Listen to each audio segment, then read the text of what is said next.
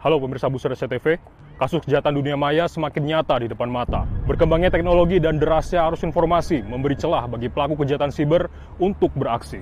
Anak di bawah umur pun tak luput menjadi korban. Sejumlah aktivis perlindungan anak bahkan menilai perusahaan media sosial ini tidak berbuat cukup untuk melindungi mereka.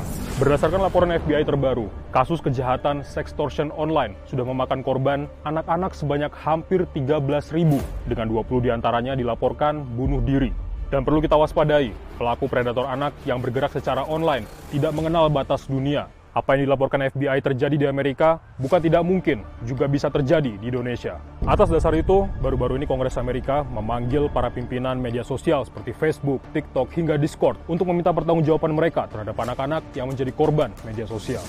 Let me ask you this.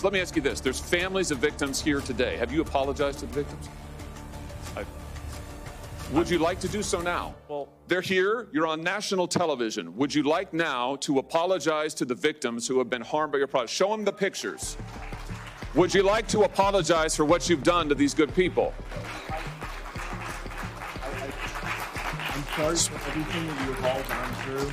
Terrible. No one should have to go through. all of the witnesses please stand to be sworn in? Senator Amerika Serikat mencecar para CEO perusahaan media sosial dan aplikasi chatting terbesar di dunia Rabu pekan lalu. Dalam rapat dengar pendapat yang fokus pada upaya melindungi anak-anak dari eksploitasi seksual di platform mereka.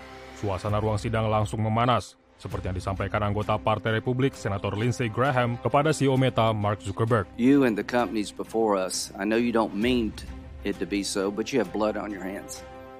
You have a product. You have a product that's killing people.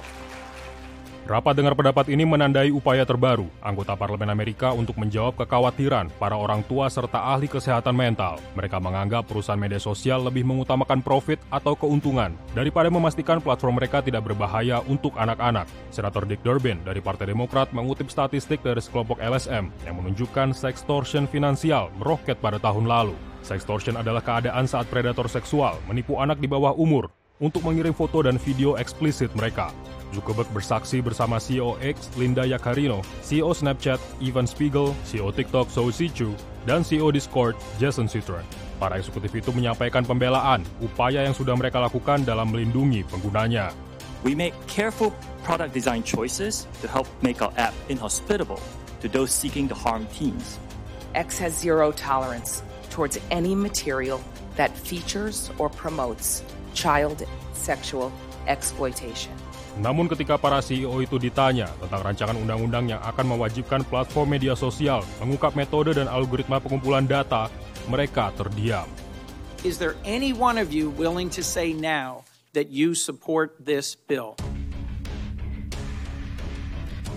Mr. Chairman, let the record reflect a yawning silence from the leaders of the social media platforms. Thank you. Anggota Parlemen Partai Demokrat dan Partai Republik sama-sama mencari cara menghapus kekebalan hukum mereka dari sebagian besar jenis konten di situs yang selama ini dilindungi dalam pasal 230 Undang-Undang Kesopanan Komunikasi.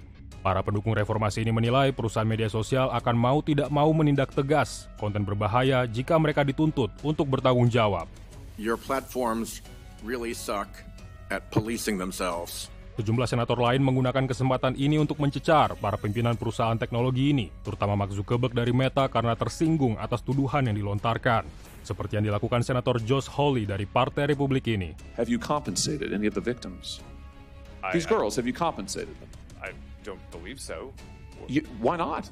Senator itu kemudian mendesak CEO Facebook untuk berdiri dan meminta maaf kepada keluarga korban yang dirugikan oleh media sosial itu. They're here. You're on national television. Would you like now to apologize to the victims who have been harmed by your product? Show them the pictures. Would you like to apologize for what you've done to these good people? Sejumlah situs media sosial dikecam karena moderasi konten. X, platform yang sebelumnya bernama Twitter, telah melonggarkan moderasinya sejak diambil alih Elon Musk. Minggu ini platform itu memblokir pencarian pop Taylor Swift setelah banyak tersebar gambar eksplisit seksual Swift palsu di platform itu. Di sisi lain, para pendukung kebebasan berpendapat mengkhawatirkan penghapusan perlindungan terhadap platform media sosial dapat berujung pada pembungkaman kebebasan berekspresi secara daring. Dari kasus ini kita bisa melihat, dunia siber, dunia maya, ibarat pisau bermata dua, bermanfaat sekaligus penuh tipu muslihat. Dan demikian pemirsa, Bu edisi kali ini, saya Tarsir Ziman dari Washington DC mengucapkan tetap waspada, kejahatan ada di sekitar Anda.